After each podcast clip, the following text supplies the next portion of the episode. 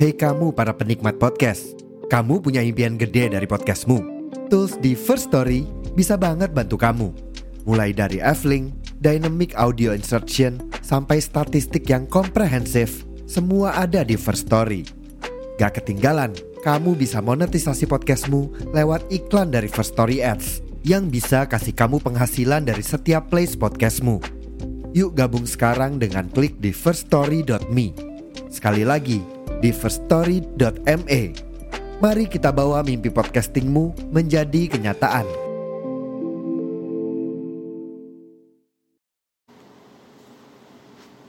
Hai teman sejiwa, selamat datang kembali di Suara Santai Tempatnya ngobrol santai sambil nemenin kamu minum kopi atau teh Atau juga nemenin kamu yang lagi dalam perjalanan Atau apa pun aktivitas yang lagi kamu lakuin Seperti biasa, aku Ilya Sigma yang akan jadi teman kamu hari ini Jadi kali ini kita bakal merambah ke topik yang menurut aku sih seru ya dan pastinya menyentuh hati. Karena topik ini tuh penting buat aku mengenai mental miskin versus mental kaya. Yang pada akhirnya kita menyadari kekayaan yang sejati itu apa sih gitu. Tapi jangan lupa sebelum kita mulai petualangan kita, tekan tombol follow supaya nggak ketinggalan setiap episode suara santai. Oke, okay. jadi aku sebenarnya bikin podcast ini sih sebenarnya niatku tuh cuma sharing aja sih dan jujur nggak ada niat lain-lainnya di awal ini karena aku cuma pengen menyuarakan hal-hal yang mungkin membuat aku gelisah kadang-kadang. Dan kalau malam kan biasanya aku sebelum uh, tidur gitu aku kayak banyak melakukan hal-hal kayak journaling terus udah gitu refleksi terus aku pikir kayak oke okay, gimana kalau enggak uh, aku melakukan suatu hal yang mungkin berguna buat diriku sendiri? Jadi aku sharing gitu. Dan aku nggak mikirin kayak seberapa banyak yang denger. Jadi belum kepikiran sampai ke situ gitu. Jadi aku pikir ini adalah hal untuk journaling aku. Dan juga buat aku belajar untuk ngomong sih. Oke, balik lagi ke topik mengenai mental miskin versus mental kaya. Ini kalau menurut aku ya, kalau yang namanya kaya itu nggak hanya sebatas seberapa banyak uang yang kita punya. Tapi coba deh, teman-teman semua nih, kamu deh lebih gali lebih dalam untuk memahami perbedaan antara orang yang bermental miskin dan orang yang bermental kaya karena menurut aku, miskin dan kaya itu adalah mental. Ini menurut aku pribadi loh. Coba kita bahas yang dimaksud dengan mental miskin. Karena itu bukan hanya tentang keadaan finansial, tapi juga tentang cara kita memandang hidup. Gimana sikap negatif dan perasaan selalu kurang itu bisa ngeracunin pikiran dan hati kita Nah, coba kita telaah lagi ya. Gimana sikap negatif tuh bisa ngeracunin pikiran kita gitu ya. Kalau kita punya mental miskin, nah sering banget itu cenderung fokus pada hal-hal yang kurang. Gagal, atau merasa nggak mampu. Nah, pikiran-pikirannya tuh negatif melulu gitu. Sehingga membentuk pola pikir yang menghambat pertumbuhan pribadi sama kesejahteraan mental. Contohnya, bayangin orang yang selalu ngerasa dirinya nggak layak atau nggak mampu mencapai tujuan tertentu. Jadi pandangannya orang itu negatif terus. Nah, akhirnya tuh bisa nyiptain hambatan psikologis.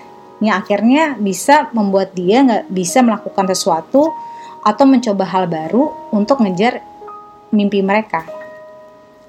Nah, sering waktu, ini kan bisa jadi siklus kan, dan akhirnya jadi ngerugiin, di mana dia nggak punya kepercayaan diri, nggak punya keyakinan, dan akhirnya ketika ada peluang-peluang datang, itu dia nggak bisa grab gitu, di, diabaikan aja.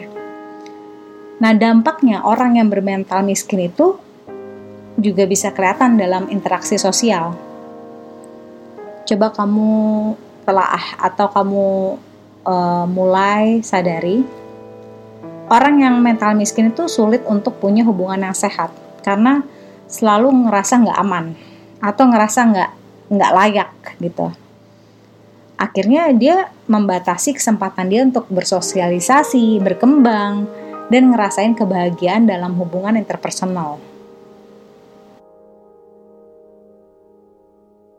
Dengan pandangan hidup negatif, itu lebih cenderung uh, rentan sama masalah kesehatan mental, kayak depresi, kecemasan.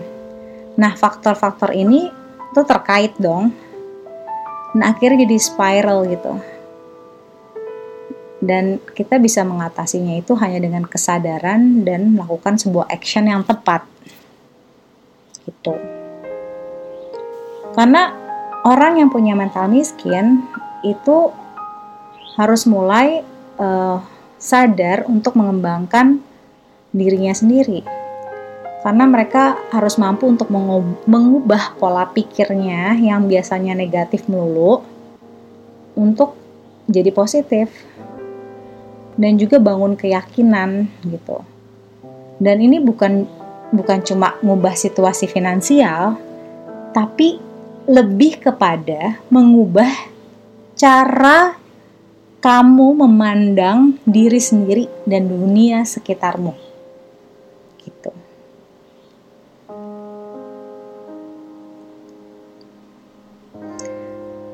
Terkadang kita tuh terjebak dalam siklus ketidakpuasan yang sulit ditembus. Nah, gimana kita bisa keluar dari pola pikir ini dan menciptakan kekayaan mental? Oke, sekarang kalau mental kaya, itu kebanyakan orang-orangnya adalah mereka punya rasa syukur. Sehingga itu bisa ngebentuk kekayaan non material dalam hidup mereka itu tetap disyukuri gitu. Karena mereka punya pandangan hidup yang positif, rasa syukur yang uh, syahdu gitu. Dan mereka tuh punya uh, apa ya namanya? sensitif atau kepekaan terhadap keindahan hidup di sekitar kita. Lebih present aja dalam hidupnya itu mental kaya. Jadi bukan seberapa banyak uang yang kamu punya. Nah, untuk bisa kita mengembangkan rasa syukur itu kan langkah yang penting untuk membangun kekayaan mental kita. Jadi ini nggak hanya berkaitan dengan menghargai materi yang kamu punya, tapi juga mengakui dan mensyukuri hal-hal sederhana dalam hidup, seperti connection, kesehatan, momen-momen kecil yang berharga. Nah, salah satu caranya tuh untuk ngelakuinnya tuh biasanya adalah menciptakan habit, daily habit gitu, untuk merenung hal-hal apa yang membuat dirimu bersyukur. Makanya banyak orang kan yang selalu menulis di gratitude journal atau segala macam. Itu sebenarnya adalah hal untuk membuat dia agar mempunyai mental yang kaya gitu. Ini contoh ya, bayangin ada orang yang walaupun nggak punya kelimpahan materi, tapi dia tuh bisa menyadari dan mensyukuri kehadiran keluarga yang mendukung, cinta yang melimpah. Jadi mereka tuh bisa nemuin kekayaan dalam momen yang sederhana, seperti sama teman-teman lagi ngobrol, nikmatin alam, atau bisa ngerayain prestasi kecil. Nah, hal-hal ini tuh bisa jadi inspiratif gitu ketika kamu ngeliat orang gitu yang kayak bisa menikmatin hal-hal kecil dan bersyukur banget sama hal itu. Itu bisa jadi pendorong untuk ngembangin sikap positif dan rasa syukur dalam kehidupan sehari-hari.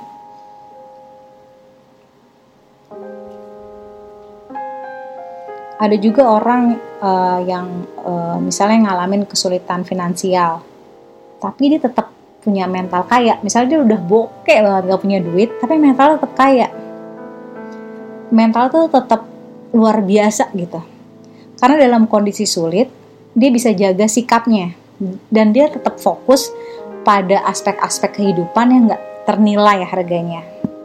Jadi mungkin dia bisa nyiptain tradisi keluarga yang kaya akan makna gitu ya. Seperti waktu berkumpul untuk berbagi cerita atau bisa buat sebuah activity bersama keluarganya atau memperkaya hubungan sama keluarganya gitu Karena ketika kita mengutamakan kekayaan non material, non material seperti hubungan yang mendalam, kebahagiaan batin, dan kedamaian pikiran, itu seseorang dapat mengalami kekayaan yang sejati. Nah, ini melibatkan menggeser fokus dari apa yang kurang menjadi apa yang sudah ada. Dan akhirnya kita paham bahwa kekayaan sejati tidak selalu diukur dalam nilai materi.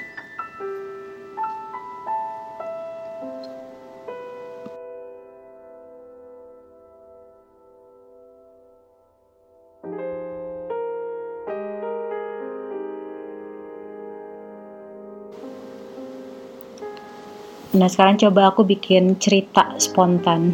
Karena aku seorang storyteller dan penulis skenario di sebuah kota kecil cie bernama apa ya kota kecilnya bernama Harmoni karena kan selaras harmoni tinggallah seorang wanita bernama bernama siapa ya? Bernama Luna Jadi meskipun hidupnya sederhana, si Luna ini sering ngerasa kekurangan dan gak puas dengan segala yang dia punya. Nah, pikirannya itu dipenuhi oleh kekhawatiran tentang uang, pekerjaan, dan status sosialnya. Nah, akhirnya si Luna ini hidupnya dalam ketakutan dan kecemasan yang konstan.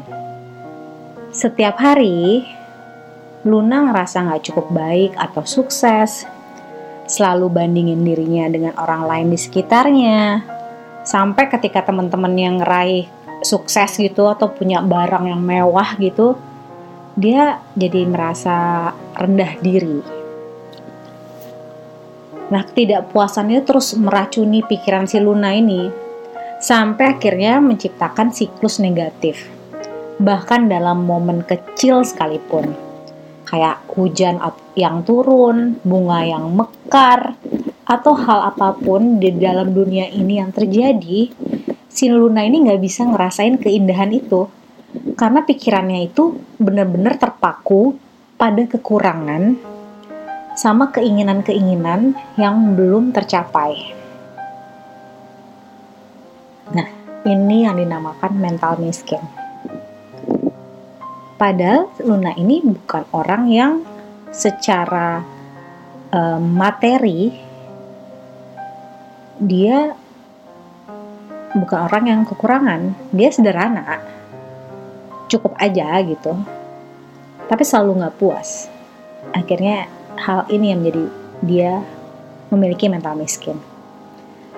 Nah, ceritanya Suatu hari Luna ini bertemu dengan seorang hmm, pensiunan lah, orangnya bijaksana. Namanya Pak Adi, kayak nama bapakku almarhum.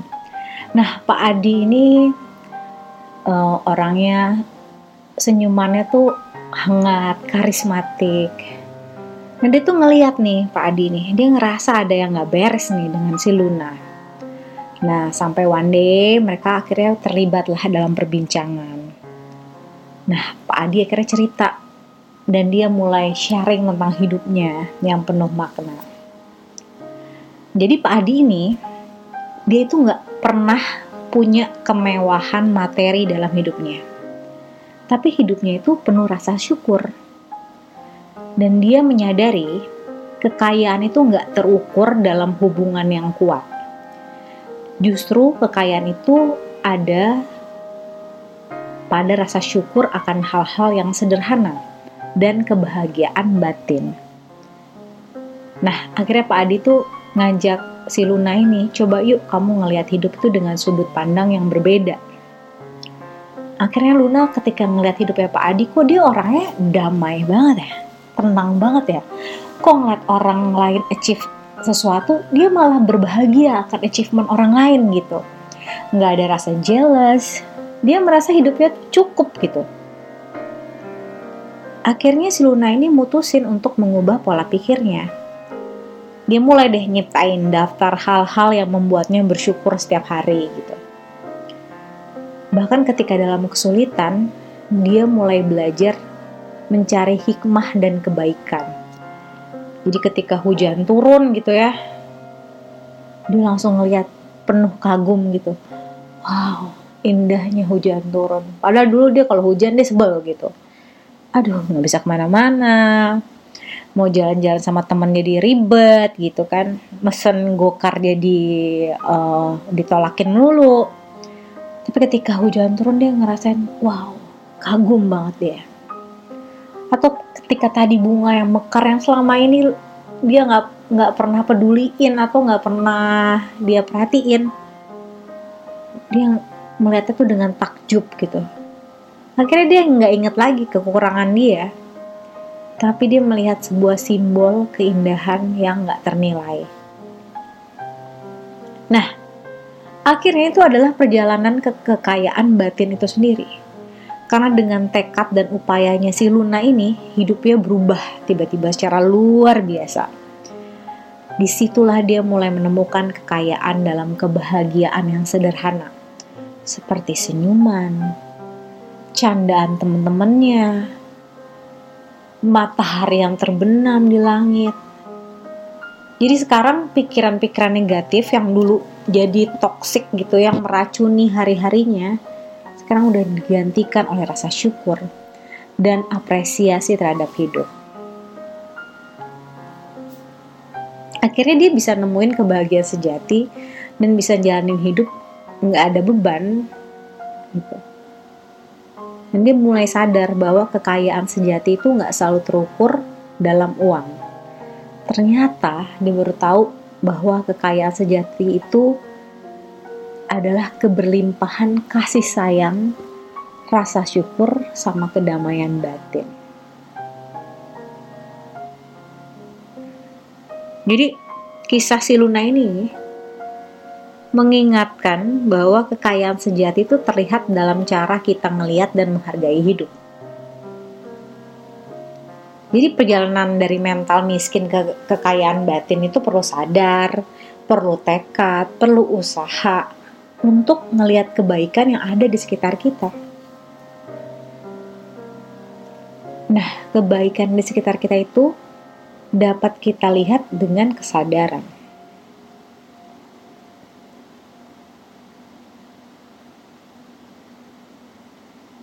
Jadi yuk sama-sama kita usaha menjadi kaya secara mental. Nah, di situlah kekayaan sejati yang tak ternilai harganya sehingga keberlimpahan lainnya tuh akan cepat hadir karena vibrasi kita tuh udah bener-bener happy terus dan joy dan syukur yang tak ternilai gitu. Karena itu kita tuh perlu banget untuk membuka pintu kekayaan mental. Karena itu harta yang gak terlihat dan itu udah ada di dalam diri kita. Dan untuk nemuinnya, cuma perlu keberanian untuk ngeliat ke dalam diri sendiri. Buka pintu ke dalam jiwa kita. Di situ kita temuin. Ternyata ada sejuta potensi, ada kekuatan, ada kebahagiaan yang terpendam. Kerinduan yang terpendam.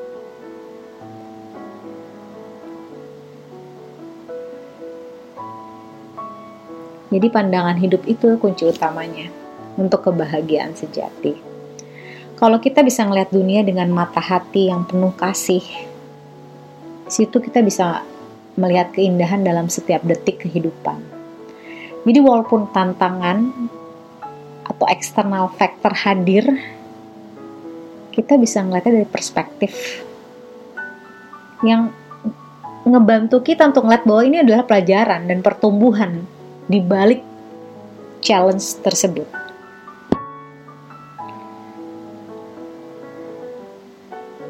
Dan paling penting juga keyakinan sih. Jadi kalau kita mengganti rasa ragu jadi yakin, rasa khawatir jadi optimis pikiran kita juga jadi sarana yang mendukung kebahagiaan itu sendiri jadi ketika ada situasi yang datang kita bisa menghadapinya dengan kepala dingin dan tenang Lalu juga tadi kita udah bahas tentang rasa syukur. Karena ketika kita ngeliat dan mensyukuri hal-hal yang sederhana dalam hidup itu, sebenarnya kita buka menuju kekayaan batin yang lebih dalam lagi. Jadi ketika kita bersyukur, fokus kita tuh pada apa yang udah kita punya. Daripada apa yang hilang atau apa yang belum tercapai.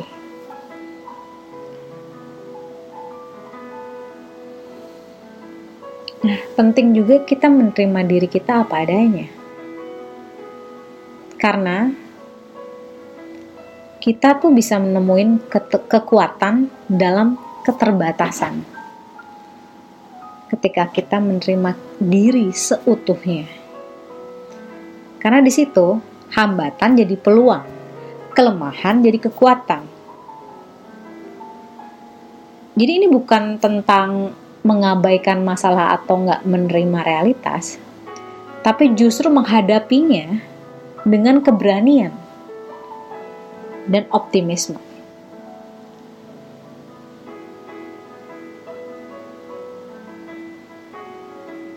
Lalu juga ketika kita memiliki mental yang kaya, kita bisa membentuk hubungan positif dengan orang lain.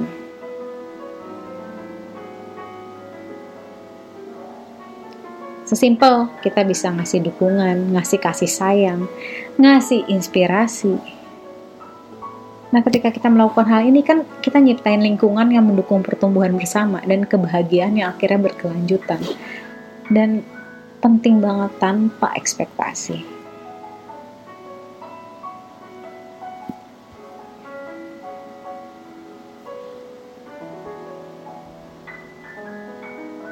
Karena Aku yakin lagi semua manusia tuh punya potensi untuk hidup dengan berlimpah.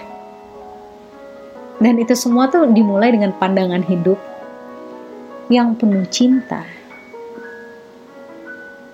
dan keberanian itu.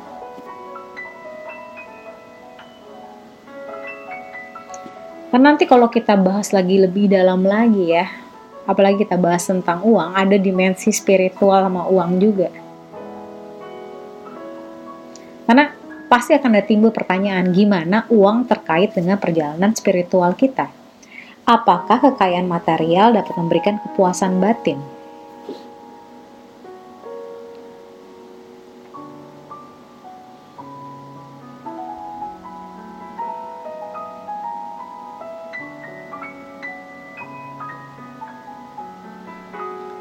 Karena ketika waktu kecil mungkin sudah banyak kita ter, ter apa ya terdogma gitu ya atau terprogram gitu tentang uang itu sendiri. Apa kalimat-kalimat yang pernah kita dengarkan? Nah dalam perjalanan spiritual konsep bahwa uang seharusnya dianggap sebagai alat bukan tujuan itu sangat relevan kita harus sadari bahwa uang itu sarana untuk memenuhi kebutuhan dan mendukung kehidupan sehari-hari. Tapi itu bukan tujuan utama dalam hidup. Karena ketika kita menganggap uang sebagai alat, kita bisa gunain kekayaan material kita dengan bijaksana untuk mendukung perjalanan spiritual kita.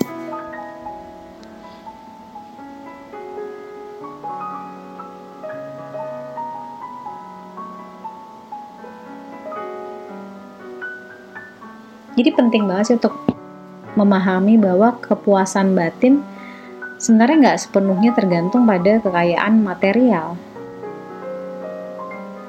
Nggak bisa dipungkiri ya, kekayaan materi itu memenuhi kebutuhan hidup kita, kebutuhan dasar kita.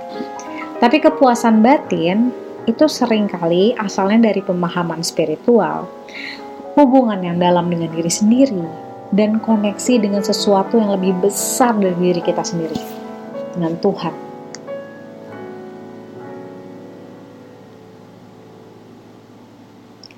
Nah, ketika kita sudah memahami spiritual, kita juga bisa akhirnya mengelola uang dengan bijak. Akhirnya kita bisa melibatkan kebijaksanaan dalam mengelola kekayaan material kita. Gimana kita gunainnya, gimana kita berbagi kepada orang lain, gimana kita jadi berkat untuk orang banyak, gimana kita menginvestasikan uang itu sendiri, dan bagaimana kamu bisa mencerminkan nilai-nilai spiritual itu sendiri. Karena kita, ketika kita menggunakan uang dengan bijak, itu sebenarnya kita nyiptain dampak positif pada diri sendiri dan orang lain. Dan itu adalah bagian yang terpenting dalam perjalanan spiritual.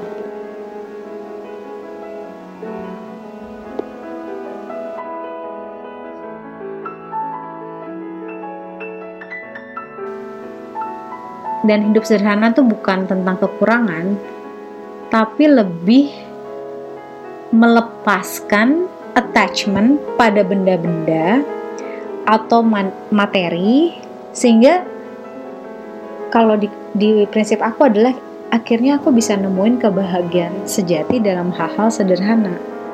Nah akhirnya aku bisa menciptakan space untuk pertumbuhan spiritual dan penuh makna. Itu yang maksud aku sederhana ya. Jadi walaupun berlimpah, tapi aku menikmati segala hal dengan sederhana. Bukan sederhana dalam hidup yang uh, uh, seadanya, terus uh, terus nggak berlimpah. Semua orang masih pengen hidup berlimpah lah, ya kan? Tapi konsepnya itu tidak ada attachment. Jadi ketika ada, oke. Okay. Ketika lagi kurang, oke. Okay gitu karena nggak ada attachment lagi karena ada keseimbangan di situ karena kita perlu loh punya keseimbangan antara kekayaan material dan kebahagiaan batin kita. Itu tantangan yang nyata banget.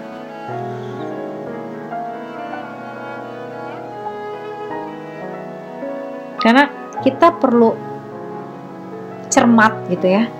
Gimana cara kita untuk gunain sumber daya kita?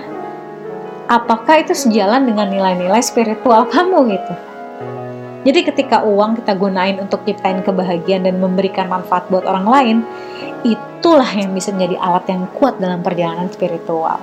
Jadi uang tuh sama sekali nggak jelek.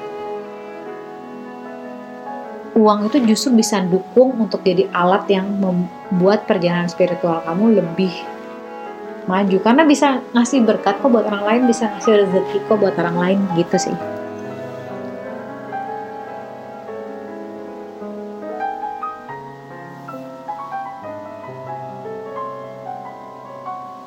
jadi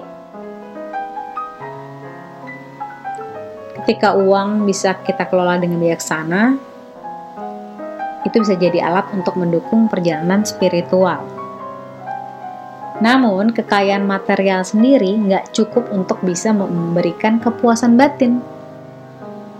Banyak kan orang yang bilang, oh, belum tentu bahagia walaupun punya uang banyak gitu. Ya karena sebenarnya tidak ada kepuasan batin itu sendiri dan pemahaman spiritual tentang kesederhanaan itu. Karena adanya ketidakseimbangan antara kekayaan material dan kebahagiaan batin. Nah, itulah kuncinya untuk kebahagiaan sejati. Tapi gimana caranya untuk gali kekayaan batin kita itu? Karena dalam hidup ya, kita tuh hidup dalam hiruk pikuk kehidupan sehari-hari yang membuat kamu juga terjebak dalam pencarian kekayaan material tanpa menyadari potensi kekayaan batin yang ada dalam diri sendiri.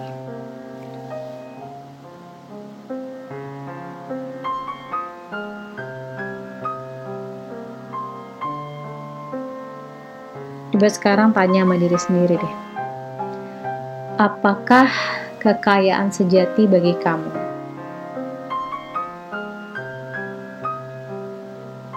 Apa yang benar-benar membuat kamu bahagia dan terpenuhi?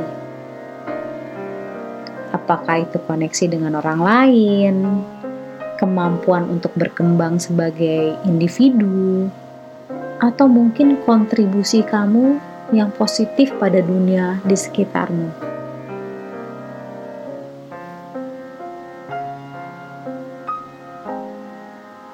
Pernah nggak kamu berhenti sejenak untuk merenung dan mengevaluasi di mana sebenarnya kamu menemukan kebahagiaan sejati?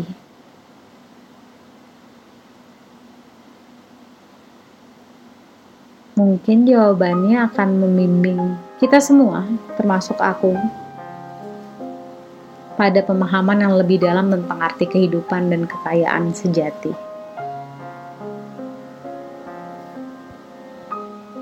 Wow, topiknya dalam ya.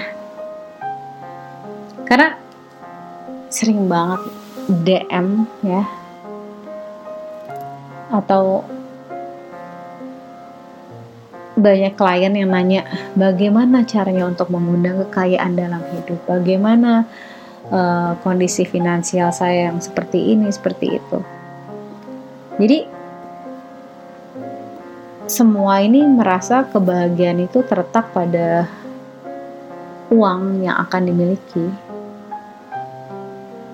Padahal sebenarnya uang itu dia nggak punya salah. Dia adalah sebuah energi yang bisa kita pergunakan dengan bijaksana. Tapi kalau kita gunainnya dengan cara yang salah, juga bisa bikin ribet gitu. Nah, untuk bisa mempergunakannya itu kita harus ke dalam diri kita sendiri dulu kan. Kenapa kamu perlu uang sebanyak itu? Lebih Apa kamu untuk dirimu sendiri? Nah, itu harus dijawab dengan jujur. Apakah untuk mengimpress orang lain? Hal-hal itu ya harus kita dalami lagi.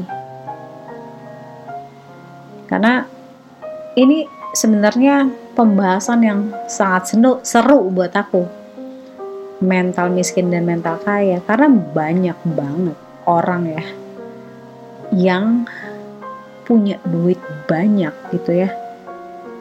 Tapi mentalnya masih miskin loh. Beneran. Kayak sesimpel duduk di restoran kita tahu gitu ya dia uangnya banyak. Tapi ketika bill datang dia paling lama ngeluarin uang. Gitu. Sementara ada teman aku yang hidupnya sederhana aja. Tapi nggak pernah susah. Kenapa? Dia orangnya royal banget. Nggak pernah susah. Dan cukup aja buat dia.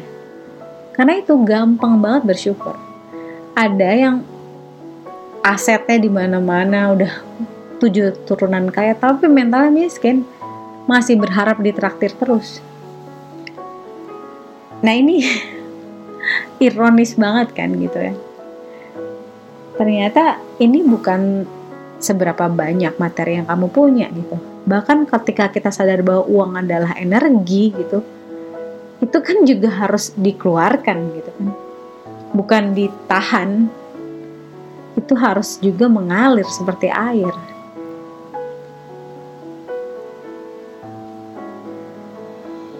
ada juga orang-orang yang selalu merasa dirinya itu victim gitu sehingga senangnya itu diberi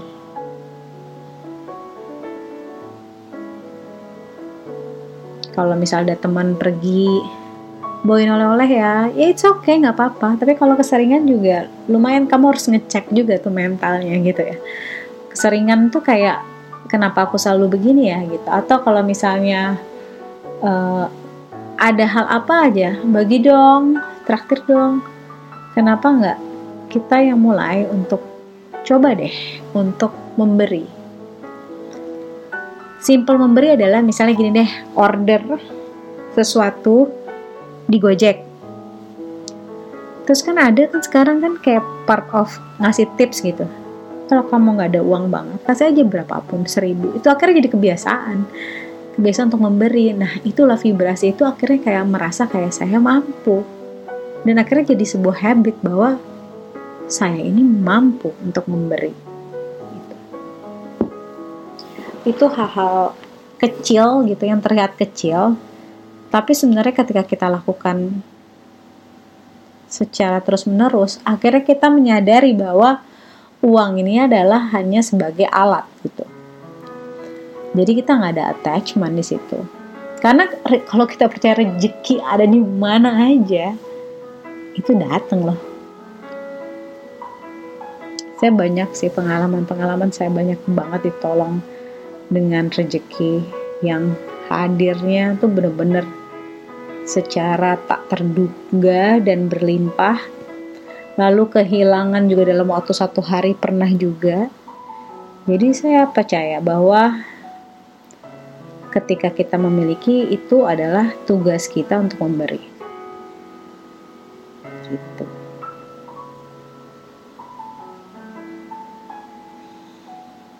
Jadi